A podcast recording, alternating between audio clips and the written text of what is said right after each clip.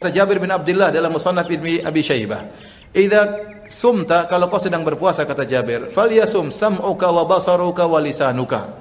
Kalau kau sedang berpuasa, maka hendaknya matamu juga puasa. Telingamu juga puasa. Lisanmu juga puasa. Ya. Anil kadhib wal maharim. Jangan kau berdosa, jangan kau mengucap, mengucapkan kata-kata yang haram. Wa an adal jar dan jangan kau mengganggu tetanggamu. Dalam riwayat adal khadim, jangan kau ganggu pembantumu. Ya. Wal yakun 'alaika waqarun wa sakinah yauma saumika. Hendaknya kau tenang tatkala sedang berpuasa. Wala taj'al yauma fitrika wa yauma saumika sawaan dan jangan kau samakan antara hari puasamu dengan hari tidak berpuasa. Jadi harus pandangan, telinga, lisan harus berpuasa juga. Maka hati-hati sedang berpuasa jangan dengar yang macam-macam. Dengan jangan dengar musik-musikan. Ya, kalau dengar ada musik-musik matikan. Kalau dengar musik istighfar.